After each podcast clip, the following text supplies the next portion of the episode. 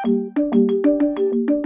en Henk, welkom weer in eh, de studio. Fijn dat jullie er zijn. Volle uitzending, dus we gaan snel eh, beginnen. We hebben natuurlijk eh, straks weer de mening van Maas, een bijzondere tuchtcasus. We gaan aan het eind van de aflevering even bellen met Jona Walk, AJOS interne geneeskunde en mede-initiator van de veel gedeelde en ondertekende petitie onverdeeld open. En ook hier in de studio bij Medisch Contact is Robert Clouds. Van harte welkom. Dankjewel. Uh, je bent hoogleraar en afdelingshoofd van de cardiothoracale chirurgie van het LUMC en het Amsterdam UMC. Dat uh, sinds kort een samenwerkingsverband. Klopt. En je bent hier onder andere over, uh, om te spreken over de concentratie van de kinderhartchirurgie, waar je vorige week ook een ja, bevlogen opiniestuk in Medisch Contact over hebt gepubliceerd.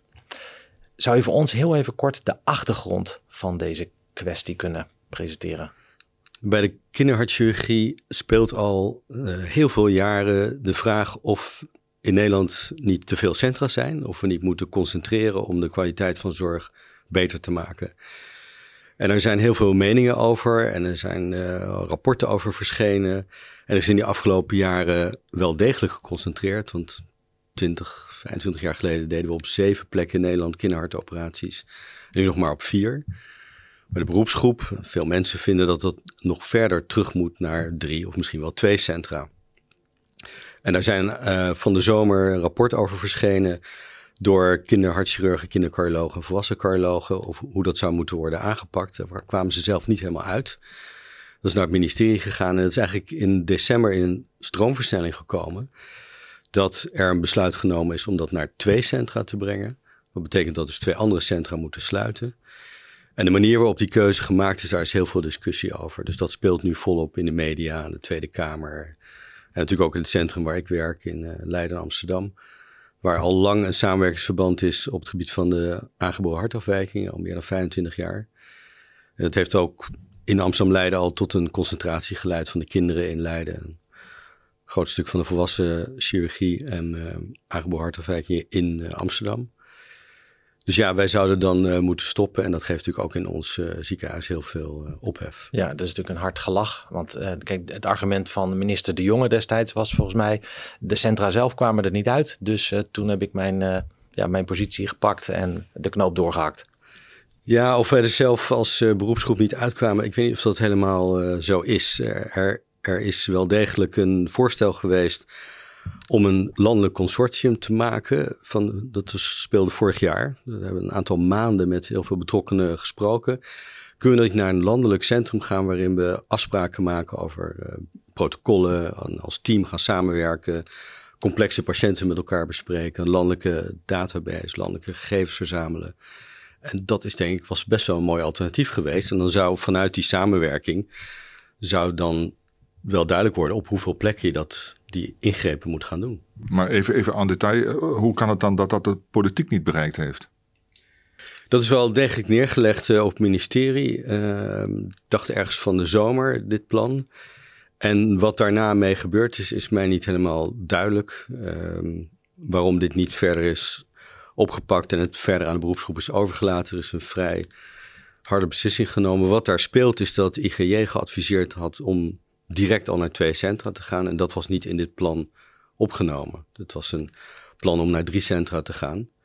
Maar de kern van dat plan was dat je een soort landelijke samenwerking krijgt. Een collaboratie van centra voor aangeboren hartafwijkingen. Dat is wat jij noemt een, een netwerk.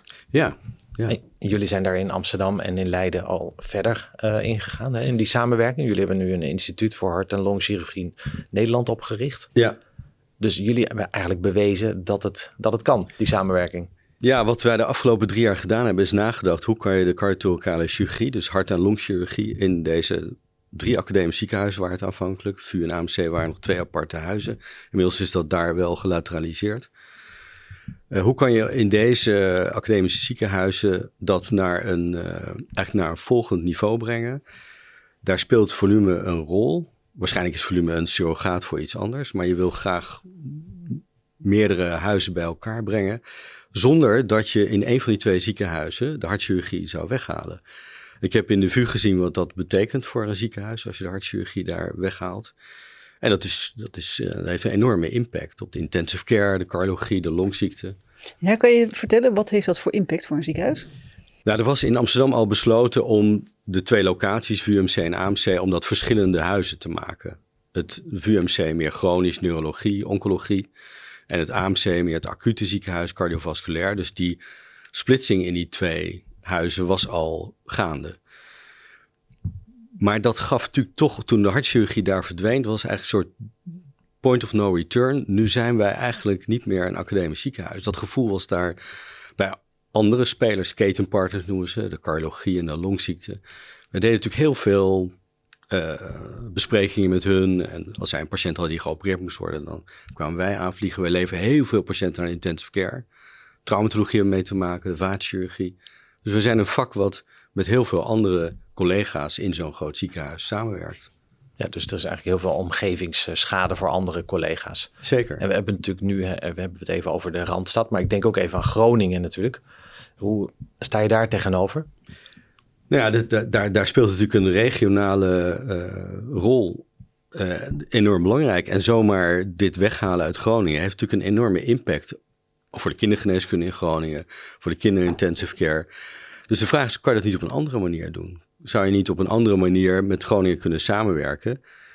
Dat je zorgt dat de kinderhartchirurgie daar nog steeds op een hoog niveau moet. En als er sommige zeldzame afwijkingen zijn die je daar niet meer kan doen, nou ja, dan, dan, dan doe je dat. En, en dat zou kunnen. Je, daar, heb je, daar, daar, daar, daar kun je een idee van vormen. Dat hebben we in, met Amsterdam en Leiden ook gedaan. We hebben gezegd van nou, over we laten het grootste deel van de cardiothorakale chirurgie intact. We doen dat op, op beide locaties.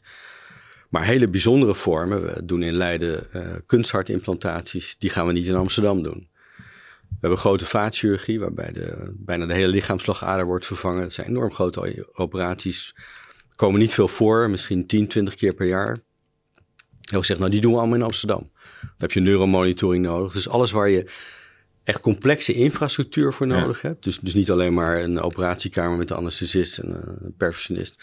Maar ook anderen, neuropsychologische, fysiologische monitoring. En bij die LVADs heb je zeer complexe zorgpaden. Dat houden we op één plek. Ja, je, je zegt net, um, volume is eigenlijk een, een, een surrogaat, noemde je dat. Maar wat maakt nou eigenlijk die kwaliteit eh, in een, in een groter ziekenhuis? Ja, dat is een goede vraag. Want we hebben lange tijd, zeker in het begin van de hartchirurgie, uh, gezien dat grotere ziekenhuizen het beter deden dan kleinere ziekenhuizen. En vandaar dat die volume-uitkomstrelatie, die is in de literatuur, met name rond hartoperaties, heel veel in de Verenigde Staten naar gekeken. Daar hebben ze eindeloze databases. 20, 30.000 patiënten zijn daar bestudeerd. En daar zag je inderdaad, jaren 80, 90, dat er een heel duidelijke relatie was. Niet alleen tussen ziekenhuisvolume en uitkomst, maar ook chirurgenvolume en uitkomst. Er loopt daar jaren, is daar toch verandering in gekomen. Als je de laatste vijf jaar zijn er publicaties gekomen uit diezelfde databases. Die laten zien dat er geen relatie meer is tussen ziekenhuisvolume en uitkomst en chirurgvolume en uitkomst. Maar wel tussen kwaliteits. Ja, adherence to quality assurance noemen ze dat dan. Dus hoe, in welke mate hou je je aan kwaliteitsafspraken? En dan heb je natuurlijk over goede MDO's, vastgelegd in documenten die iedereen kan zien. Uh, briefings uh, op de OK, de, de, de, hele top uh, kenmerken, de uh, protocollen die je hebt voor het postoperatieve beloop, de bewaking, dat je het allemaal op dezelfde manier doet. Het werken als één team. Dat is veel belangrijker. Waarschijnlijk is dat de surrogaat voor volume. Want als je in een groot ziekenhuis werkt, ga je natuurlijk afspraken maken. Het gaat om die afspraken. Maar toch, toch kan ik me niet zo goed voorstellen dat, dat, je, dat, dat, dat er niet een, minimaal, een minimum aantal verrichtingen is per chirurg dat je nodig hebt om aan die kwaliteitscriteria toe te komen. Ja, dat, dat heb ik ook altijd gedacht. Maar als ik nu naar mezelf kijk, toen ik begon als uh, jong hartchirurg, heb ik heel veel geopereerd en heel veel met veel ervaren mensen samengewerkt. Veel van ze geleerd. En ik deed in die tijd vier dagen in de week stonden op elkaar, uh, denk 100, 150 hartoperaties per jaar. Heel veel van hetzelfde type, die klepreparaties. Nu ik twintig jaar verder ben, hoef ik dat minder vaak te doen. Ik heb er inmiddels duizend gedaan, dus ik weet hoe dat moet. En ik hoef dus nu niet meer zo ontzettend veel te doen. En ik merk dat als je. Dus, dus dat is in die hele volumediscussie belangrijk. Als je ervaring hebt, is het aantal ingrepen wat je moet doen om goed te blijven, wordt minder. Ja, dat, dat weten we ook uit leercurveonderzoek. Exact. En dus dat, uh, je hebt een x aantal uh, procedures nodig om goed te worden, ja. maar je hebt er minder nodig om goed te blijven. Zo is het. Dat zeg je. Ja. Hey, en uh, heel eventjes als we nu kijken naar het internationale perspectief. Hè, we zijn natuurlijk een relatief klein land. Hoe zit dat bijvoorbeeld in, in Denemarken of Zweden? Hoeveel van die hartcentra hebben ze daar? Als je naar de, uh, Europa kijkt, dan uh, is er ergens tussen de 4 en 5 miljoen inwoners. Op iedere 4, 5 miljoen inwoners is één kinderhartchirurgisch centrum. En dat zou in Nederland betekenen ongeveer 3, 4. Ja, dus daar, daar zitten we eigenlijk op. Ja, en als je dat nog, nog verder in detail bekijkt, en dat is, dat is waar een beetje ik moeite heb met die grenzen die gesteld worden in heel veel van die documenten die nu gekomen zijn. Ja, dat is het criterium, zoveel moet je doen per jaar. Als je nou in detail kijkt wat de uitkomsten zijn van de kinderhartchirurgie in Nederland, in die vier centra op dit moment, liggen die een heel stuk lager dan in de publicaties die gebruikt zijn om die criteria te maken. In feite is de overleving of de sterfte, wat je het bekijkt, van de Nederlandse kinderhartcentra ongeveer op het niveau van de grootste centra in de Verenigde Staten. Dus het is maar helemaal de vraag of wij door concentratie echt gaan verbeteren. Dus dat is wat jou betreft niet uh, de drive om te concentreren? Nou, er zit, er zit, ja, dat wordt natuurlijk genoemd, maar ik vraag me serieus af, en in ieder geval heeft daar ook een aantal jaar naar, geleden naar gekeken. Heel veel concentraties worden toch gegeven vanuit een beetje politieke macht, economische reden. En kwaliteit wordt genoemd, maar of die aantoonbaar echt verbetert met concentratie, ik wil het nog zien. Misschien nog even een laatste vraag.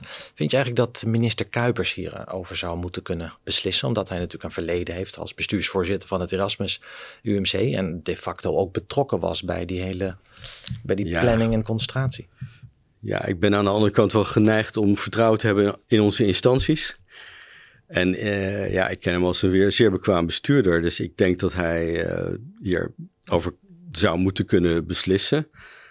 Uh, hij heeft natuurlijk een ministerie achter zich wat, wat wel een, daar een idee over... Ik, ik weet dus niet precies wat daar allemaal gebeurd is, maar ja, hij is... Het zou het moeten kunnen. Nou, laten we in ieder geval het heel scherp blijven volgen. Ik denk, jij hebt duidelijk gemaakt uh, hoe wat jou betreft het ook zou kunnen. Uh, voor de mensen, de luisteraars, wijs ik nog eventjes op de website van Medisch Contact, waar jouw stuk zeker uh, de aankomende weken goed te lezen is. En in ieder geval heel veel dank voor jouw komst naar de studio hier. Blijf nog even zitten voor de volgende items. Ja. Robert. Een volgend item in de uitzending is altijd eh, de mening van Maas. Henk die probeert ons te overtuigen waarom we een bepaald eh, boek moeten gaan lezen of een film moeten gaan zien. Dus uh, luister mee en kijk wat hij deze week voor ons in petto heeft. Henk. Nou, meestal heb ik een boek dat je voor je plezier leest of een film waar je voor je plezier naartoe gaat. Deze keer is het een boek waarvan ik denk, nou ja, dat zou in ieder geval dokters, in ieder geval sommige dokters, goed moeten lezen. Eh, ik heb er deze week ook een artikel over in Medisch Contact. Het is een boek van de Nederlandse neurologen Bas Bloem en Jorrit Hof. Het is eigenlijk een bewerking van een boek dat in de Verenigde Staten is verschenen. Ze hebben dat vertaald en geactualiseerd en ook naar de Nederlandse situatie toegebracht. Het heet De Parkinson-pandemie. Een recept voor actie is, het, is de ondertitel. Het is een behoorlijke pil. En um, wat ze daarin eigenlijk in essentie betogen is dat we al, nou ja, vanaf de jaren 80, 90 zo'n beetje wel in de gaten hebben dat een belangrijk deel van eh, de incidentie en de prevalentie van de ziekte van Parkinson veroorzaakt wordt door externe factoren. Die externe factoren zijn terug te brengen op de bestrijdingsmiddelen die in de, met name in de landbouw worden gebruikt. Allerlei oplosmiddelen die in sommige beroepsgroepen uh, heel erg gangbaar zijn. En ook bepaalde vormen van luchtverontreiniging. Ze maken dat heel mooi duidelijk. Ze hebben tal van getallen opgesnord. Ze hebben epidemiologische data, analyseren ze. En het algemene beeld dat daaruit uh, voortkomt is, hier is echt iets aan de hand. Uh, prachtig onderzoek dat in de jaren negentig al gedaan is door een neuroloog in, uh, in Quebec, in, in Canada, die heel mooi laat zien op een landkaart dat waar landbouw intensief is, dat je daar echt een sterke verhoogde incidentie ziet van Parkinson vergeleken met gebieden waar dat niet het geval is. En dat ze dat ook in de, in de tijd uitstrekt. Is namelijk een belangrijk probleem, wat ze in het boek ook heel erg goed duidelijk maken, is Parkinson zien wij vaak als een leeftijdgebonden aandoening. Het komt natuurlijk voor bij jonge mensen, maar over het algemeen stijgt de incidentie naarmate mensen ouder worden. En zij zeggen, maar dat is heel erg methodologisch heel erg moeilijk om dat los te zien van de mate van blootstelling. De blootstelling, die, het cumulatieve effect van al die stuf in de omgeving, gaat gelijk op met de leeftijd. Waardoor het een het andere kan verdonkeren manen. Je denkt, het is de leeftijd, maar het is natuurlijk dat je langdurig bent blootgesteld. Ze geven daar hele mooie voorbeelden van. Of het ooit zover komt dat uh, Parkinson uh, als het ware een soort van longkanker wordt. In de zin dat je zegt van de meeste longkankers worden toch veroorzaakt door roken of door indirect blootgesteld te zijn aan roken. Dat weet ik niet helemaal of het zover is. De Gezondheidsraad heeft in 2020 een rapport uitgebracht waar zij ook aan refereren in het boek. Waarvan de Gezondheidsraad zegt, nou ja, kijk, er is iets aan de hand. Maar in Nederland is het misschien toch nog niet zo heel erg duidelijk. En zij maken goed duidelijk dat de Gezondheidsraad daar toch iets te voorzichtig is. Er is wel degelijk iets aan de hand. En zij vinden dat er nu echt actie moet komen op Europees niveau, in Nederlands niveau. Op Nederlands niveau, ze hebben ook contact met verschillende ministeries in Nederland. Ze proberen ook uh, in het Europese parlement wakker te schudden. En ik denk dat ze absoluut een punt hebben. En dat we nou op een moment zijn aangeland waar uh, die bestrijdingsmiddelen, die oplosmiddelen en uh, die, die zaken die onze lucht verontreinigen, dat, dat die aan banden moeten worden gelegd en dat er strengere regulering moet komen. De Parkinson-epidemie heet het boek. Het is van Bas Bloem en Jorrit Hof. Het is echt een aanrader om. Uh, en, en je bent daarna wel heel erg bezorgd ook. Hmm. Ja, de Parkinson-pandemie. Moet je met oh, ik zei de Parkinson. Nee, het ja. is de Parkinson-pandemie. Absoluut. Okay. Ja. Robert, hoe komt dit op je over?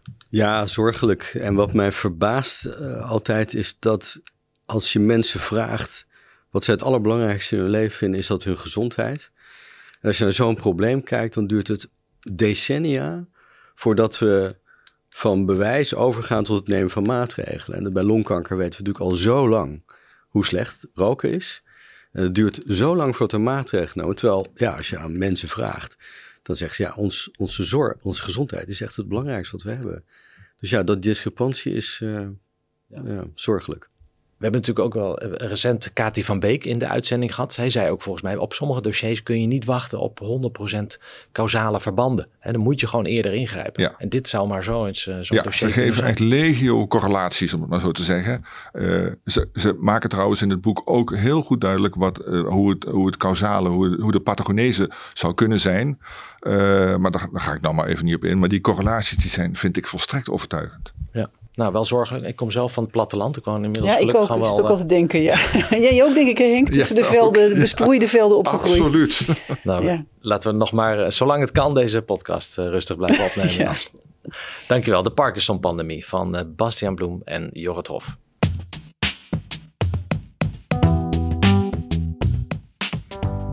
Even over naar jou voor de tuchtcasus van de week, waar weer eens een supervisievraagstuk centraal staat. Ja, eigenlijk wel. Inderdaad, een, een ANIOS die zo'n beetje de eerste nachtdienst uh, uh, draaide. Uh, een uitspraak van eind december van het regionaal tuchtcollege in Amsterdam. voor de gelegenheid, Robert, omdat jij hier zit, een chirurg. Um, hij is nog niet gepubliceerd in Medisch Contact, omdat de beroepstermijn nog, nog niet of nou ja, bijna verstreken is.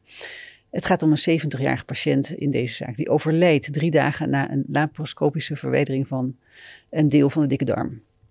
Uh, vanwege een tumor.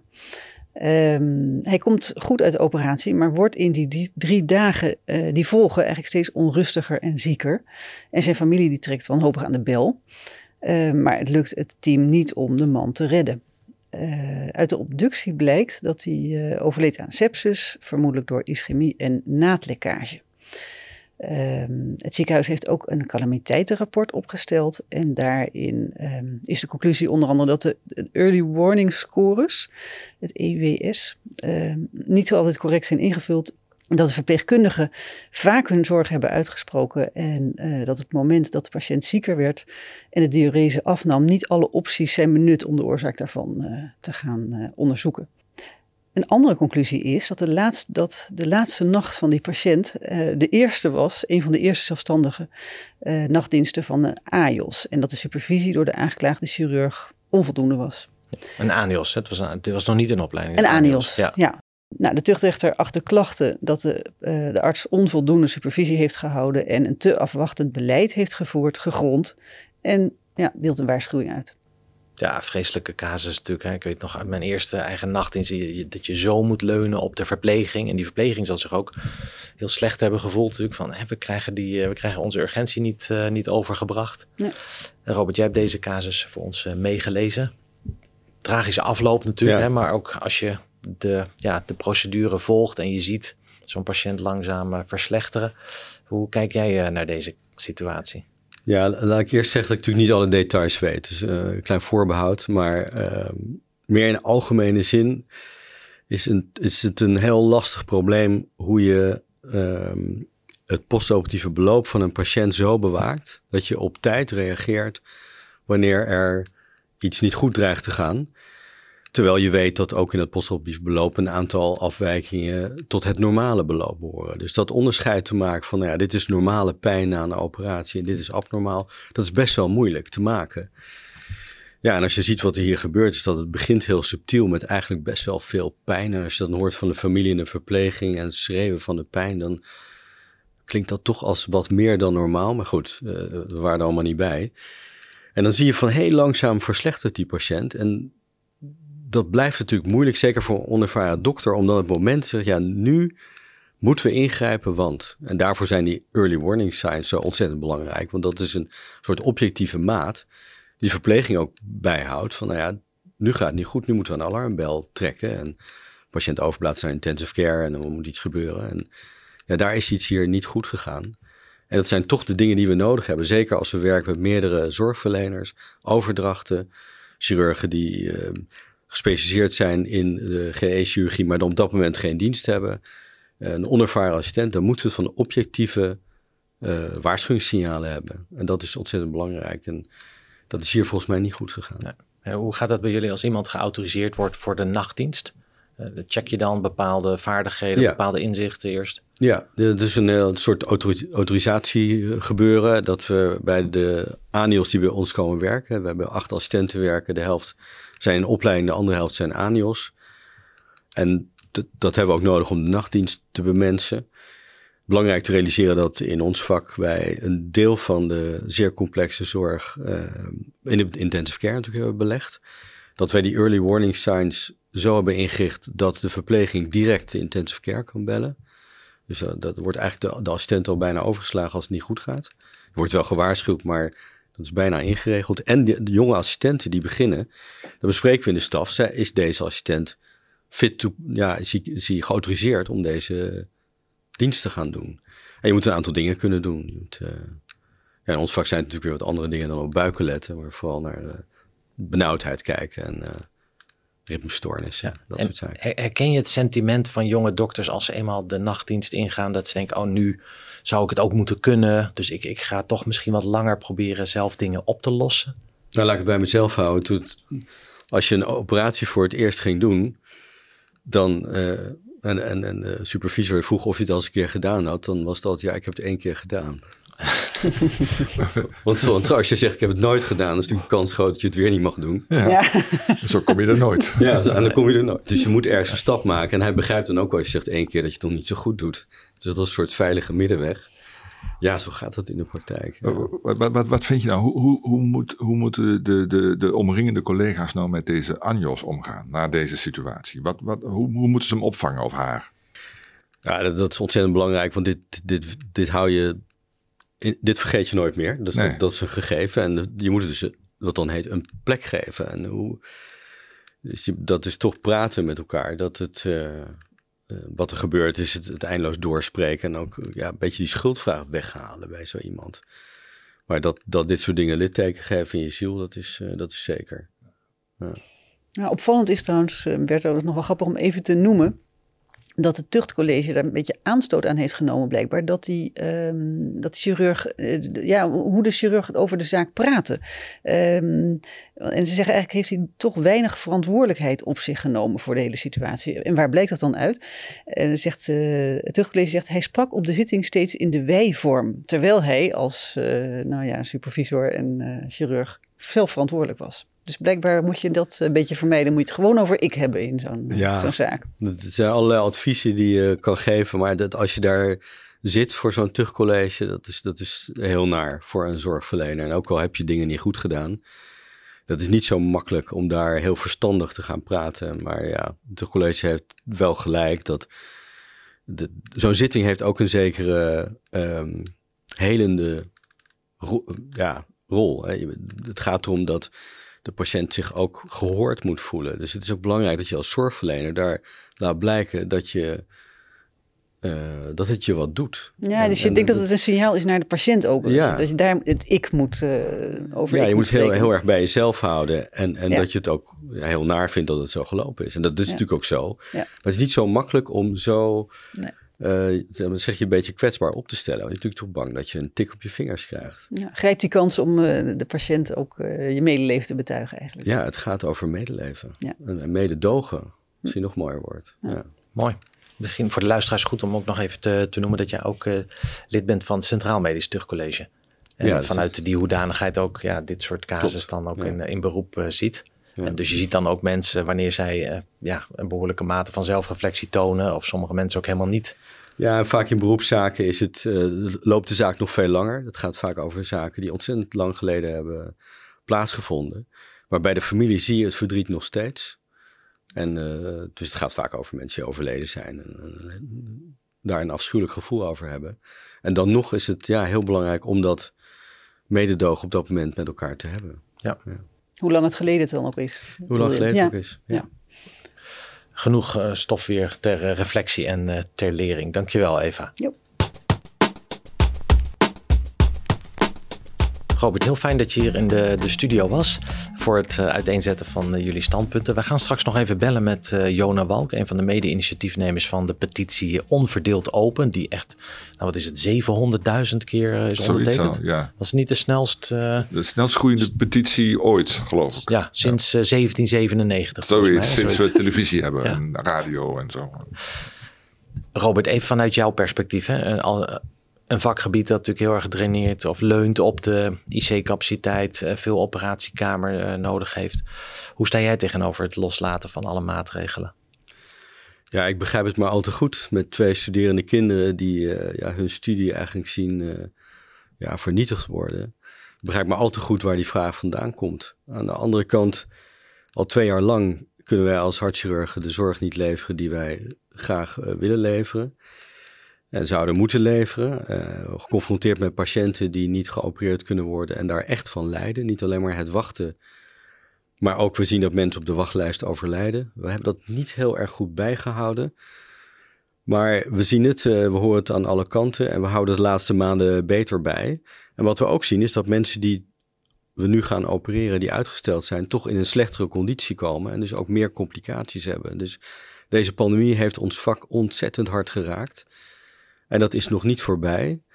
Ja, en zolang dat niet voorbij is, en of dat nu gaat om intensive care bedden of operatiekamerpersoneel of, of verpleegkundigen op de verpleegafdeling, zolang dat niet voorbij is, um, ben ik toch geneigd om, uh, om onze beleidsmakers te volgen die hier verstand van hebben duidelijk. We gaan je heel veel succes wensen bij alles uh, wat, er op je, wat er op je pad komt. Op het gebied van uh, nou, de concentratie van de kinderhartchirurgie, van het oppakken van, uh, van de zorg.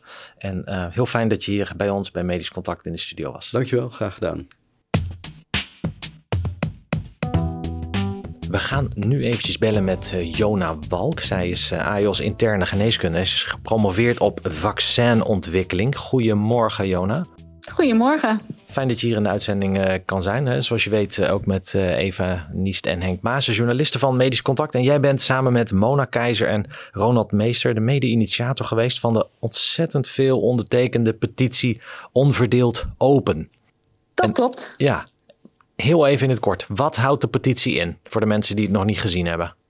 De petitie is, is geïnitieerd door mij eigenlijk van, vanuit een politieke groep, de Vierde Golf, uh, van linkspolitieke denkers die kritiek hebben op het uh, coronabeleid vanuit onze, onze, ons politieke standpunt. En het Mona, bij Mona Keizer en Ronald Meester speelden vergelijkbare over, kritische overwegingen met betrekking tot het corona-toegangsbewijs.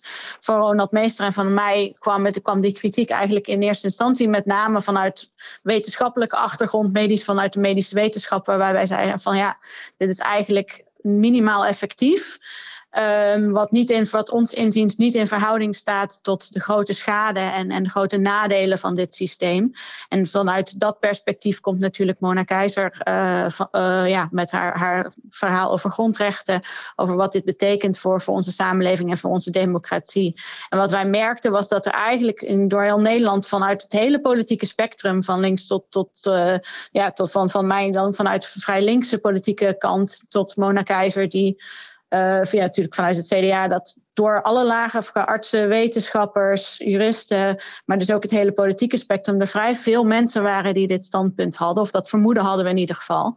En ons doel met het schrijven van deze verklaring was om dat standpunt neer te leggen en gewoon eens te kijken wat voor een coalitie zich daarachter zou kunnen vormen.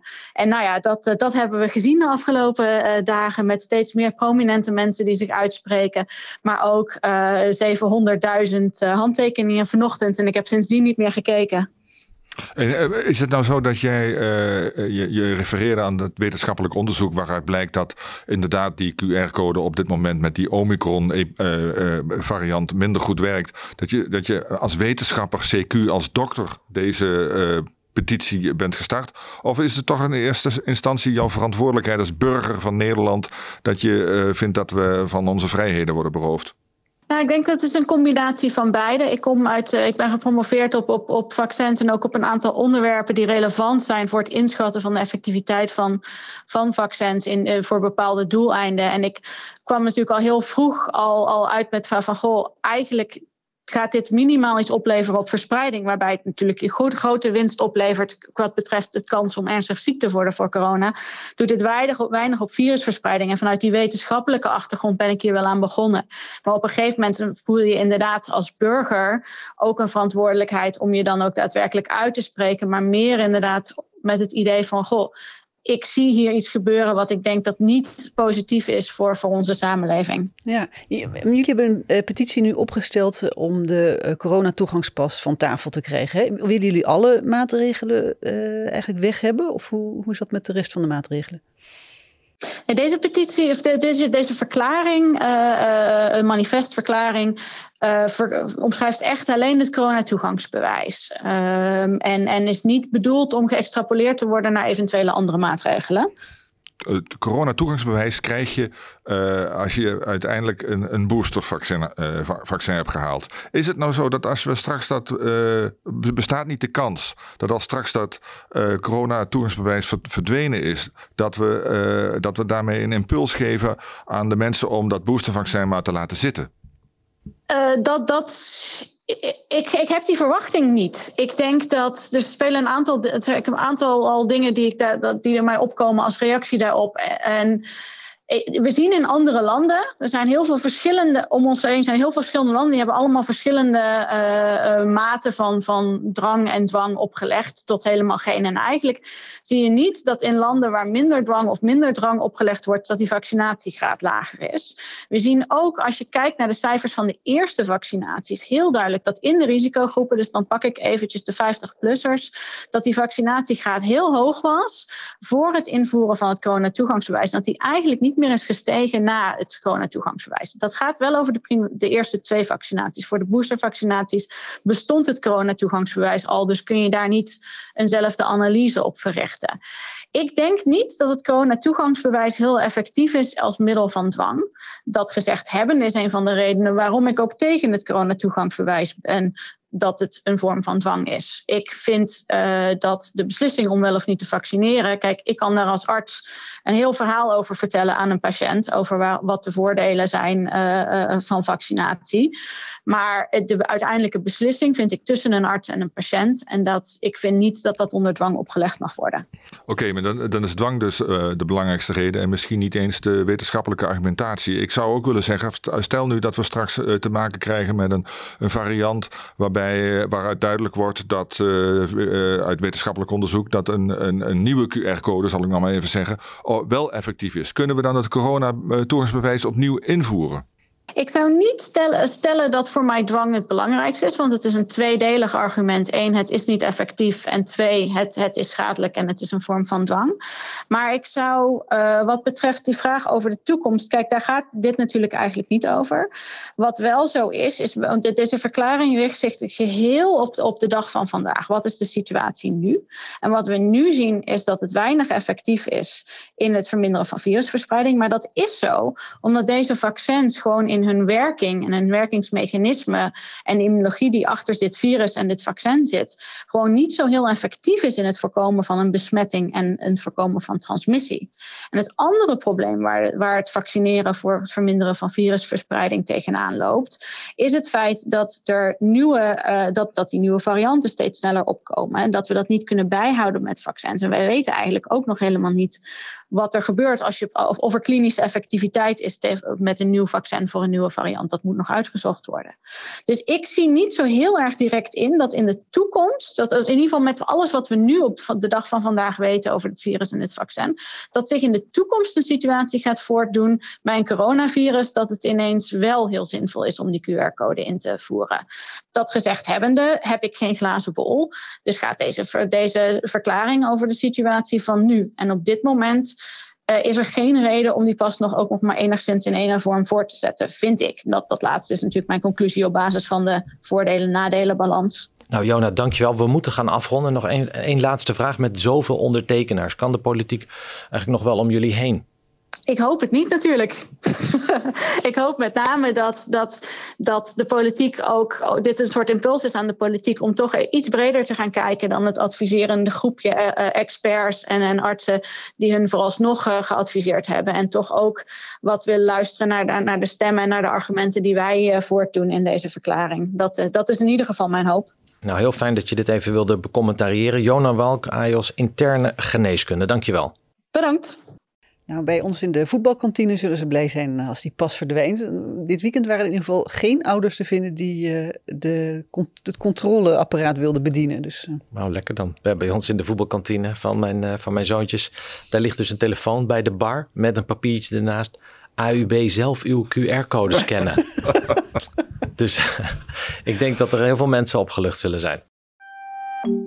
Ja, Eva en Henk, we zitten behoorlijk aan de tijd. Dus deze week even geen uh, maar volgende week pakken we het natuurlijk weer op.